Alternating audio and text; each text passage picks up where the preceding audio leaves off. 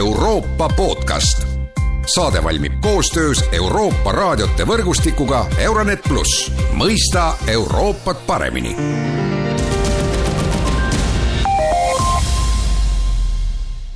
tere päevast ja tere kuulama jälle Euroopa podcasti. eelmisel nädalal tegi Euroopa Komisjon uued transpordiettepanekud ja kes oleks parim inimene neid kommenteerima, kui mitte Euroopa Komisjoni liikuvuse transpordi peadirektoraadi peadirektor Hendrik Ololei, tere päevast! tere päevast! mina olen Erkki Vahovski ja no alustame võib-olla sellise lihtsa ja üldise küsimusega, et eh, miks neid transpordiettepanekuid siis just praegu vaja oli? noh, ütleme niimoodi, et eh, ega ükski, ükski ähm, tähtaeg ei ole kunagi liiga hea või liiga halb ja ma arvan, et sellepärast vajalik ka, et ähm, et selle, selle komisjoni äh, prioriteetide osas oma panus anda, nagu teada, see komisjon on paika pannud selle, et äh, rohepööre on nende kõige tähtsam eesmärk ja transpordisektor on siin äh, üks nendest sektoritest, kes äh, on ka kõige rohkem mõjutatud, sellepärast et transpordisektoris tähendab see heitmete vähendamist umbes üheksakümmend protsenti aastaks kaks tuhat viiskümmend, transpordisektor on olnud ka üks väheseid sektoreid, mis on äh, tegelikult kasvatanud oma emissioone ja, ja, ja, ja tõenäoliselt äh, ka lähiajal äh, jätkuvalt emissioonid võivad kasvada, sellepärast et nõudlus on väga suur, eeldades seda siis, et me jõuame äh, jällegi oma, oma olukorras nii-öelda koroona-eelsesse perioodi. ja, ja on selge, et noh, järgmise kahekümne-kolmekümne aasta jooksul see, see muutus selles sektoris saab olema päris suur ja, ja selles mõttes on ka vajalik, et et need, et need suunad paika saaks ja mis ma tahan siia juurde öelda, on veel see, et tegelikult tuleb seda vaadata äh, kahes etapis, et äh, väga olulised ettepanekud esitasime suvel, mis on seotud siis puhaste lennukikütuste kasutusele võtmisega merenduses, samuti äh, uute kütuste kasutusele võtmisega ja ja siis toetusmeetmeid selleks, et välja arendada infrastruktuuri, mis puudutab äh, laadimispunkte üle Euroopa. Ja, ja nüüd siis äh, uued ettepanekud ja ma arvan, kõige olulisem selles on kindlasti ka üle-euroopaliste transpordivõrgustike nii-öelda täiendamine ja, ja, ja, ja teatud oluliste äh, uute sõlmpunktide äh, kaardile märkimine äh, selleks, et transport saaks Euroopa sees hästi liikuda, selleks, et need transpordikoridorid oleksid tõhusad ja, ja loomulikult tuleb ajaga kaasas käia ja nagu ikka transpordisektoris, mida rohkem on efektiivsust, seda paremini liiguvad inimesed ja kaubad ja seda vähem on ka heitmeid, sellepärast et väga palju eh, heitmeid tuleb ka sellest, et lihtsalt seda efektiivsust ei ole ja, ja ja, ja siin tulebki aidata kaasa sellele, et see asi, olukord muutuks. no see paralleel on kindlasti liialdus, aga, aga ma selle ikkagi toon eh, me näeme siin ju, et rohepööre või, või väidetav rohepööre on äh, üks põhjusi, miks need elektrihinnad on tõusnud ja siin Eestis räägitakse väga palju sellest, et äh, et me peame ikkagi alles hoidma selle traditsioonilise energiaallika ehk äh, põlevkivi kaevandamisel ja sealt saadava elektri, et et me ei tohiks nagu mune panna kõike ühte korvi. Ja noh, sama mõte tekib ju ka, kui vaadata ja lugeda rohepööret transpordis, et kas mingil momendil ei teki see oht, et et mingid asjad jäävad lihtsalt seisma, sellepärast et, et need alternatiivsed mootorid, lihtsalt neid ei ole nii palju, praegu räägitakse ju ka näiteks sellest kiibikriisist, millega kiibid, kiipidega sõidavad ju elektriautod ja nii edasi ja nii edasi, aga kui mõtleme tervet transporti, kõike, ronge, laevu, lennukeid ja noh, muidugi ka autosid jah, äh, loomulikult, ega rohepöörde puhul on hästi oluline ka see, et, et asju tehtaks mõistlikult ja ka arvestataks seda, kuidas see, see nii-öelda äripool ja ettevõtjad ja, ja samuti ettevõtlus tervikuna, kuidas see sellega kaasa tuleb, et, et need eesmärgid oleksid realistlikud ja täidetavad, mitte utopistlikud ja nii-öelda ambitsioonist infleeritud. ja, ja selle tasakaalu leidmine ei ole kunagi liiga lihtne äh, komisjon on omapoolsed ettepanekud teinud äh,, edasi liikmesriigid ja parlament äh, saavad neid arutada, liikmesriigid kindlasti toovad sinna sisse oma äh, spetsiifika, kas või näiteks kui äh, nagu sa siin enne mainisid, põlevkivi puhul on kindlasti tegemist siin Eesti spetsiifikaga, need on Eesti valikud ja Eesti peab siis ka oma seisukohti kaitsma, kui ta on kujundanud on. ja, ja eks see puudutab igat riiki. aga kui tulla nüüd otseselt nagu transpordi poole peale, siis ähm, siis noh äh,, nagu öeldud, selles sektoris peab äh, toimuma päris palju muutusi, kuna selle sektori heide on väga suur. ja, ja, ja, mis on siis see, mille läb, läbi seda saavutada, on loomulikult see, kuidas siis äh,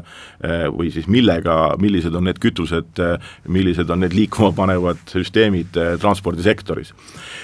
Ja, ja, ja eelkõige siis, kui me vaatame jällegi neid heitmeid nagu kogu transpordisektori lõikes, siis Äh, maanteetransport, sealhulgas ka siis autod, moodustavad äh, kuskil seitsekümmend protsenti ja rohkemgi veel kogu sellest heitmest, lennundus ja merendus on kuskil mõlemad kolmteist ja, ja, ja siis edasi on veel raudteed, siseveeteed,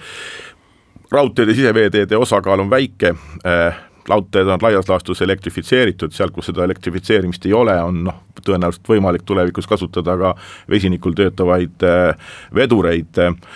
ja, ja, ja ma arvan, et noh, selles suunas see nagu liigub. lennundus on muidugi ja merendus on mõlemad hästi, hästi raskesti äh, dekarboniseeritavad sektorid, sellepärast et siin ei ole kiireid lahendusi, siin ei ole midagi, mida saaks nii-öelda lähematel aastatel kasutusele võtta. ja seetõttu on hästi oluline keskenduda kõikidele võimalustele, mis nendes sektorites olemas on, lennundusest rääkides tähendab see seda, et noh, me, lennukid saaksid lennata täna Euroopas, äh, kui meil oleks ühtne Euroopa taevas, ja saaksid lennata eh, palju efektiivsemalt, palju parema trajektooriga, sest täna lennatakse väga palju siksakki ja tekitatakse rohkem heidet, kui seda vaja on. lühidalt öeldes eh, me saaksime kuskil kümme protsenti heitmest vähendada Euroopas näiteks lennunduse poole miks pealt. miks siksakki lennatakse, riigid ei lase täpselt, läbi lennata? täpselt ja... nii, ja see ühtne Euroopa taevas, ehk siis see Single European Sky, mis siis tähendab seda lennujuhtimist, eks ole ju, mitte nüüd, see ei ole nagu turg, vaid me räägime siin lennujuhtimisest,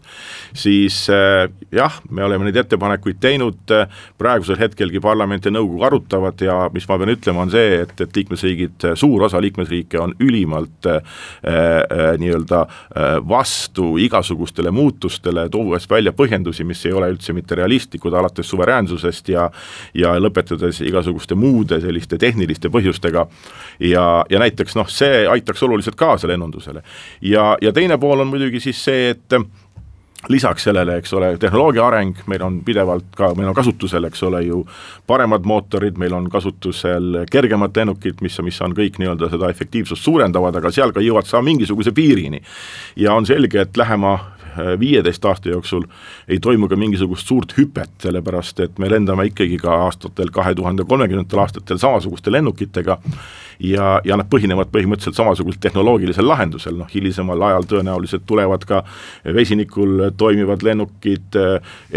elektrilised lennukid samuti, aga need on kõik väiksed, need on niisugused nišitooted nii-öelda. aga, aga ma ütlen ka seda, et aastal kaks tuhat viiskümmend lennatakse näiteks pikki maid täpselt samade lennukitega, mis on täna. järelikult tuleb leida muid lahendusi, kuidas seda heidet vähendada ja eelkõige tähendab see siis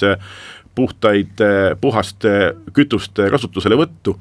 meie eesmärk on siin näiteks, et aastal kaks tuhat kolmkümmend oleks äh, kerosiin siis või mida siis lennukikütus, mida siis lennuettevõtted kasutavad Euroopas, oleks, seal oleks viis protsenti siis äh, äh, puhast kütust, ehk siis jätkusuutlikku biokütust. Ja, ja see on realistlik eesmärk, see on realistlik eesmärk, täna lihtsalt tootmine on väike, hind on kõrge, eh, järgmise kümne aasta jooksul on ülioluline, et see tootmine käima läheks, Euroopas on ka väga suur huvi, näiteks täna on suurim lennukikütuste tootja Euroopas Neste, meie head sõbrad Soomest, ja, ja, ja sinna turule tuleb väga palju tõenäoliselt lähi, lähiaastatel, samamoodi on lahendus äh, ka Äh, näiteks ka biokütuste kasutamine samuti ka äh, aitaks kaasa ka maanteesektori nii-öelda efektiivse, äh, puhtamaks muutmisele ja loomulikult ka, ka merenduse, ehk seda, seda nõudlust on, on väga palju ja siin kindlasti toimuvad need, need muutused lähiaastakümnetel, aga investeeringud on samuti suured ja, ja see tootmisvõimsused on täna olematud, need, eks ole, peavad samuti tekkima järgnevatel aastatel, nii et ma arvan, et, et selle kaudu on, on võimalik seda, seda forsseerida aktsepteerida ja selle muutusele kaasa aidata. Ja ja noh, merendusest oli ka juba natuke lühidalt juttu, et eks sama asi, et, et tegelikult täna eh, üheksakümmend üheksa protsenti merendusest on siis nii-öelda fossiilsed kütused ja, ja ega siin ka mingit väga kiiret hüpet ei tule, aastaks kaks tuhat viiskümmend on võimalik seda ka oluliselt vähendada ja ja just nimelt läbi, läbi selle, et, et võetakse kasutusele eh, puhtad kütused. Ja muidugi siis äh, elektrifitseerimine, eks ole, elektriautod, see on täna, ostetakse Euroopas juba arvestatav hulk uusi uutest autodest elektriautosid, elektriautod toovad kindlasti kaasa olulise muudatuse, nad on loomulikult puhtamad, aga jällegi, ega ükski niisugune suur muudatus ei ole ilma väljakutseteta. ja kui me räägime ka elektriautodest, eks see on omad väljakutsed ka elektrivõrgule, eh, samuti äh, utiliseerimine, ma mõtlen siin eelkõige akude utiliseerimist, et kas see on, ütleme, üks teema. Ja, ja, ja kindlasti ma arvan, pikas perspektiivis on ka muid valikuid. Kindlasti on vesinikul samuti tulevikku ka, ka, ka autode poole peal, noh näiteks kui elektriauto jaoks ikkagi täna on see kaks probleemi, mida ei ole suudetud aastakümnetega lahendada, on äh, see laadimiskiirus ühelt poolt ja teiselt poolt siis, mis on, kui kaugele ta suudab selle ühe laadimisega sõita, siis vesinikuauto puhul nagu seda probleemi pole, et et Toyota Mirai tuntud,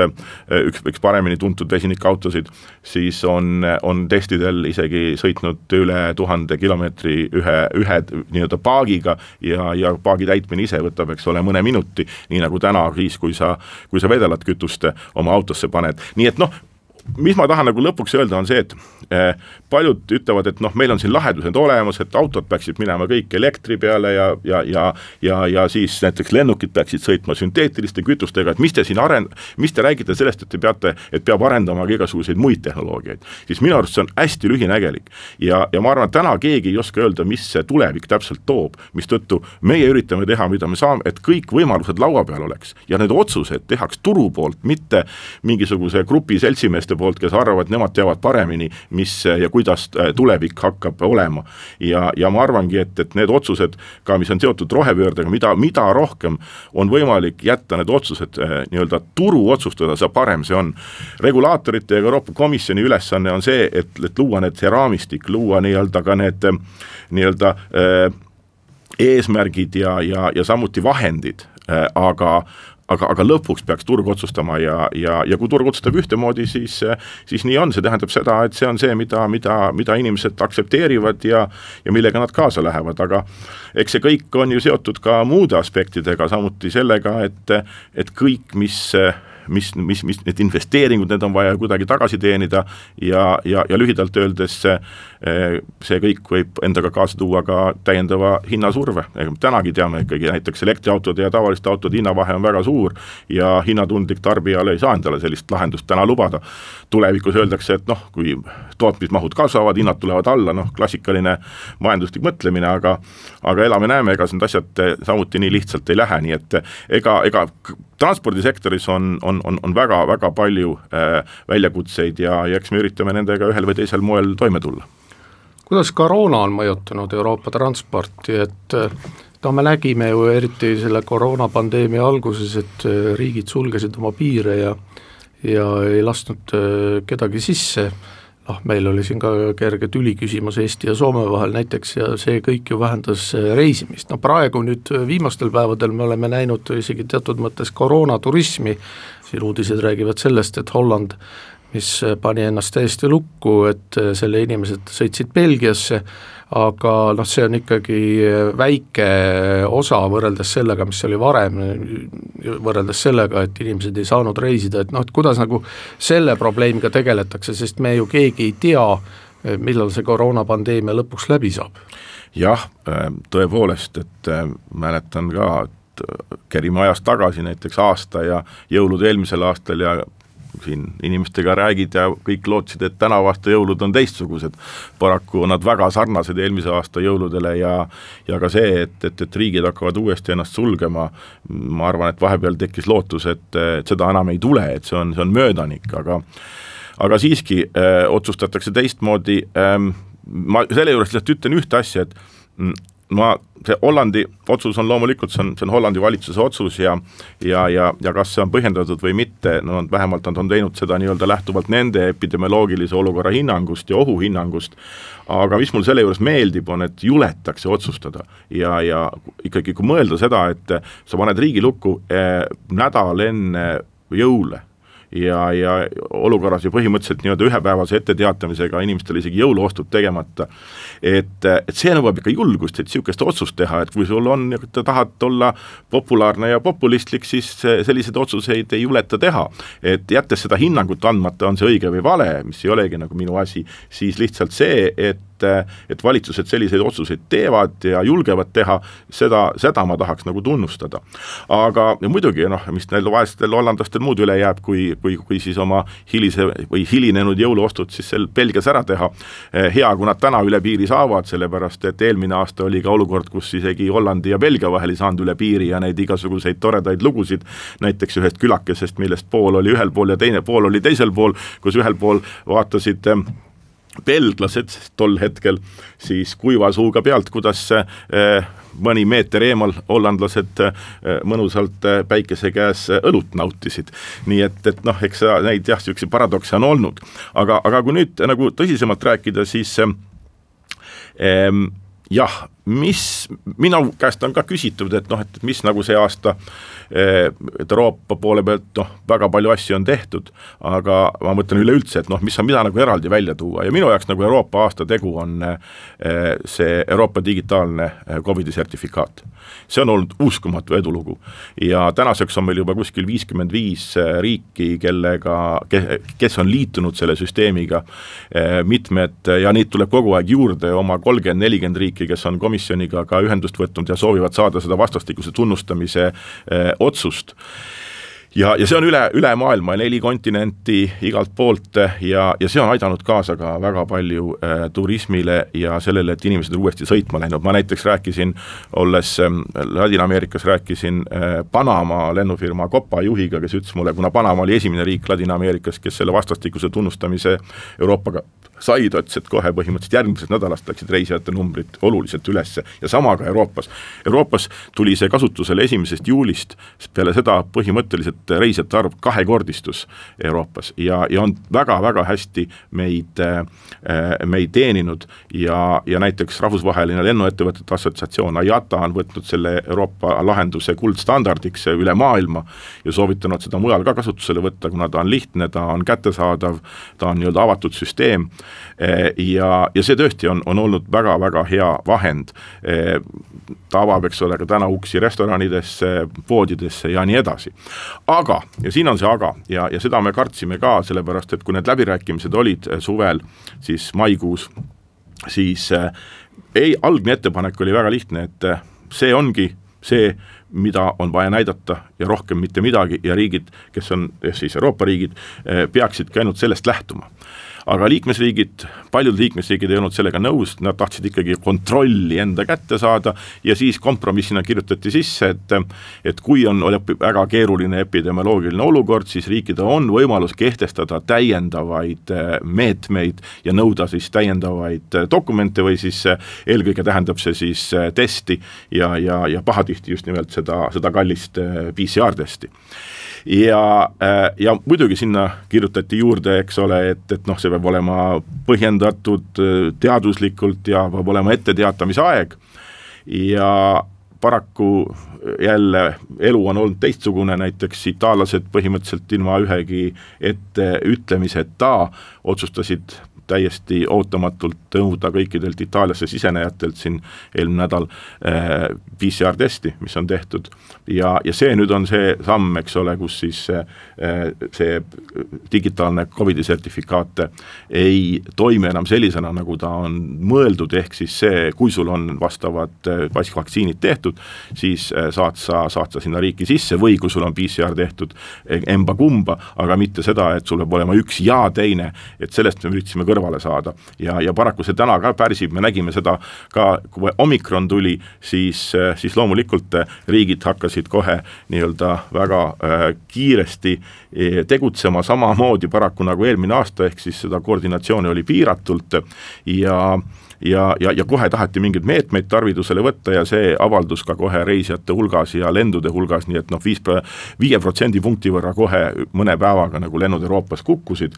E, ja, ja noh, hetkel on see nagu tasandunud, jõuluaeg ka, inimesed ikkagi tahavad oma jõulureisid ära teha, eks me siis näeme, kus me jaanuaris-veebruaris oleme, aga üks asi on selge, et see, see omikroni variant levib väga kiiresti, omikroni variant on, on, muutub ilmselgelt domineerivaks variandiks ja, ja, ja ma arvan, et et eh, on veel riike, kes hakkavad erinevaid meetmeid tarvitusele võtma. mida unustatakse ära, on see, et mitte keegi ei ole selle viiruse eest kaitstud, mitte ükski, isegi Vaikse ookeani saareriigid ei ole suutnud sellest kõrvale jääda. ja kui ta Euroopas on, siis ta levib kõikidesse riikidesse, see on täiesti selge. isegi ECDC ehk siis see Euroopa Terviseamet on ju öelnud, et näiteks reisimise piirangud ei ole epidemioloogiliselt põhjendatud, aga need on tihtipeale poliitilised ja võiks isegi mõnikord öelda populistpoliitilised sammud, mida, mida kasutusele võetakse.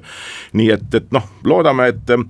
olukord siiski stabiliseerub, loodame, et inimesed saavad jälle vabalt reisida, sest inimesed tahavad väga reisida, mida me nägime, on ka see, et see hetk, kui see reisimisvõimalus avanes, siis, siis plahvatuslikult eh, kohe täitusid lennukid, näiteks eh, ka kui Ameerika Ühendriigid avasid eh, siis reisimise Äh,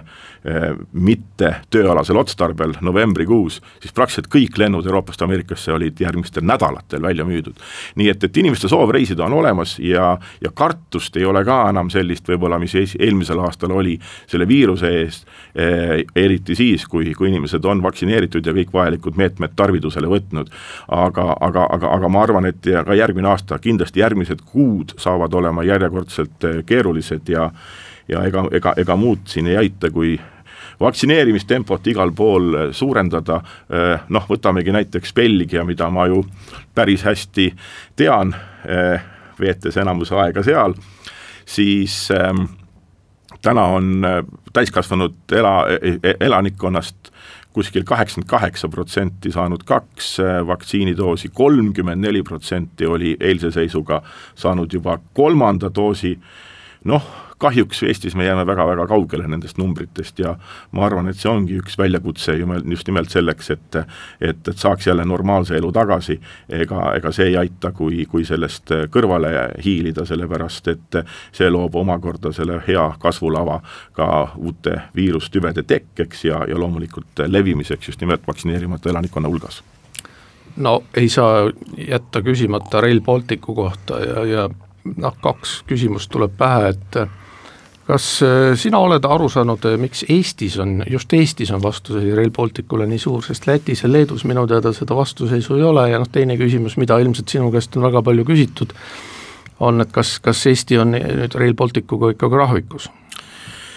mõlemad väga head küsimused, et ma arvan, et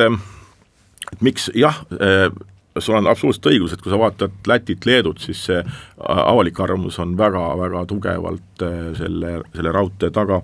ja, ja seal numbrid on väga kõrged, ega Eestis on ka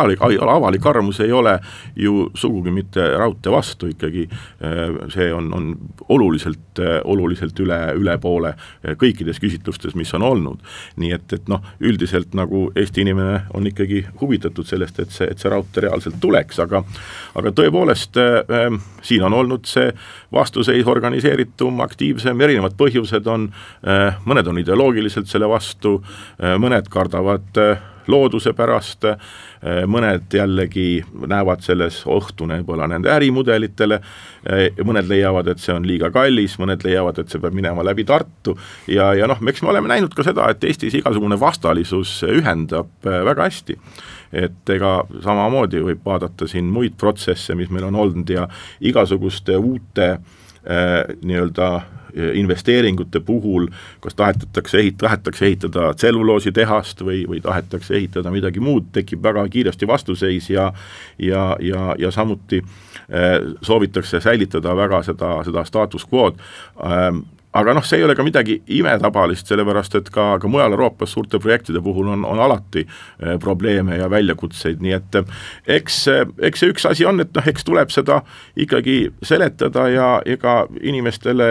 peab andma võimalikult palju võimalikult adekvaatset informatsiooni, et et ka noh, see suhtumine, eks ole, et noh, see on juba ära otsustatud ja ja, ja meil pole vaja seda teha, et noh, tegelikult on ja ma arvan, et noh, valitsus ja poliitikud kannavad samuti selles oma rolli, et sa ei saa eeldada, et mingisugune äh, Rail Balticu pressiesindaja käiks ja üritaks rahvast veenda, ma arvan, et see on ikka nende töö, kes on need otsused teinud ja, ja kes arvavad, et see on, et see on Eesti jaoks vajalik, need on olnud meie erinevad valitsused ja, ja loomulikult nendel on ka see roll kanda, et seda seletada, sellepärast et mina vaatan seda Euroopa Komisjoni poole pealt, meile on see hästi oluline projekt, kuna ta ühendab Baltimaad Euroopaga ja näiteks äh, siin alles jah, eelmine nädal äh, käisid minu juures ka äh, nelja Visegradi riigi esindajad ja tutvustamaks siis nende seda kiirrongi projekti, mis põhimõtteliselt peaks läbi nelja pealinna minema, mis siis kataks nii Varssavi, Bratislava, Praha ja Budapesti. Ja, ja see oleks tegelikult hästi oluline, kuna see sünergia ka näiteks Rail Balticuga on väga tugev. Ja siin me näeme jälle, eks ole, neli riiki tahab, tahab väga selgelt investeerida kiirraudteesse, tänane probleem on see, et idapoolses Euroopas on seda ikkagi suhteliselt vähe, me täna, kiirrongid on Lääne-Euroopas või läänepoolses Euroopas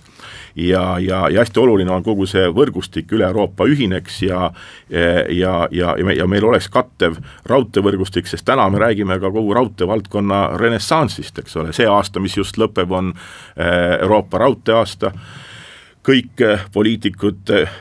põhimõtteliselt on, on avaldanud väga tugevat toetust sellele, et investeeritaks rohkem äh, raudteedesse, kiirraudteedesse, see on ka meie eesmärkide hulgas, see on ka selleks, et seda rohepööret teostada ja, ja saada rohkem inimesi ja, ja kaupa samuti maanteelt ära, raudtee on kõige keskkonnasõbralikum äh, transpordiliik ja jääb selleks ka tulevikus. Ja, ja seetõttu on see nagu Euroopa huvi, et, et need ühendused kogu Euroopa ulatuses tekiksid. kas ähm, Äh, on, äh, projekt on graafikus, no see, noh, mina ütleks niimoodi selle peale, et äh, kõigepealt, et kohustus, mida need riigid on võtnud ka Euroopa Komisjoni suhtes, on see, et see raudtee valmiks aastaks kaks tuhat kolmkümmend. Aga riigid omavahel on kokku leppinud, et see, et see raudtee peaks valima aastal kaks tuhat kakskümmend kuus. loomulikult eh, Covidil on olnud samuti oma mõju ja, ja, ja praegu võib arvata, et see, et see ajagraafik kindlasti eh, päriselt sellisena paika ei jää, meie loodame, et see, et, et igal juhul riigid oma kohustust täidavad aastaks kaks tuhat kolmkümmend ja mida varem, seda parem, aga äh, selge on see, et, et tööd peavad suure hooga ikkagi edasi, edasi minema. äh, et ega muidu me sinna välja ei jõua, et et ütleme siis, raudteeliipeid ju veel maha ei ole pandud, väga palju on, on, on, on tehtud nii-öelda muid sellega seonduvaid äh, vajalikke töid, olgu need siis viaduktid ja, ja, ja samuti käib, eks ole, Riias kõva töö selle peavaksali ümber ja ja, ja, ja, ja noh, eks me siis ka omalt poolt kõigi kolme riigiga komisjoni tasemel suhtleme. raha on täna väga palju, väga palju raha on ka kasutamata ja, ja meie põhiline mure või on see just, et see raha ei mingil juhul ei jääks kasutamata, mis on juba eraldatud. ja, ja selleks tuleb, tuleb oluliselt ka nüüd, ma arvan, lähiaastatel pingutusi selleks teha. nii et, et, et meie poolt on see, on see valmisolek jätkuvaks dialoogiks olemas, kolm Balti riiki on need, kes seda projekti juhivad, noh, see Balti riikide koostöö on, nagu ta on, eks ole, nagu me ajaloostki teame, aga, aga noh, see võiks olla nüüd selline üks ühendav projekt ja ja, ja loomulikult siis ka, ka Poola on siia kaasatud ja, ja Poola on teinud võib-olla kõige rohkem isegi neid investeeringuid just nimelt oma raudteevõrgustikku ja, ja oma infrastruktuuri üleüldse.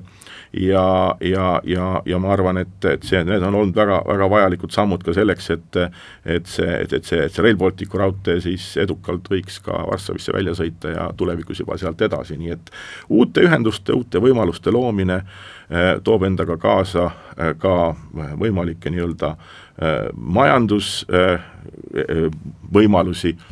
ja, ja, ja ma arvan, et et mis kõige olulisem on see, et, et, et kolm Balti riigi vahel see ka omavaheline liikumine oluliselt hoogustuks, sest noh, keegi ei hakka ju sõitma autoga Vilniusse, see on suhteliselt, tähendab, see on suhteliselt niisugune, muidugi sõidetakse, aga ma mõtlen selles mõttes, et noh, mitte selleks, et sinna, ma ei tea, minna õhtust sööma või minna linnaga tutvuma, et see on ikka päris tõsine väljakutse, aga Euroopa kogemus on, et igasugune nii-öelda rongiühendus, noh, see on nagu oluliselt muutunud selle, muutnud ka eh, nii-öelda liikuvusturismi, noh, Belgia või ütleme siis Brüssel, Pariis eh,, tund kakskümmend ja sa oled Pariisi keskmes, noh, autoga jääkski sõitma jällegi ju ja jääkski ummi, ummikutesse kinni, nii et noh, palju rohkem inimesi liigub siit ja sealt ja ja ma arvan, et see on tore, ma arvan, see on tore, mina olen sellesse projekti alati uskunud eh,, mitte sellepärast ka, et, et noh, ma olen eestlane, Eesti on üks nendest riikidest, kes sellest kasu saab Euroopa Komisjoni poole pealt, vaid ma lihtsalt usungi, et hästi oluline on võimalikult palju ühendusi luua ja ja, ja, ja, ja kaasa aidata eh, sellele, et, et, et liikumine vähemalt Euroopa piires oleks võimalikult mugav. Aitäh, Hendrik Ololei, selline oli meie tänane Euroopa podcast, mina olin Erkki Bahovski, soovime siit stuudiost kõigile ilusat jõuluaega. samamoodi tahaks kõigile häid jõule soovida, head vana aasta lõppu ja ikka loota seda, et uus aasta on parem kui tänane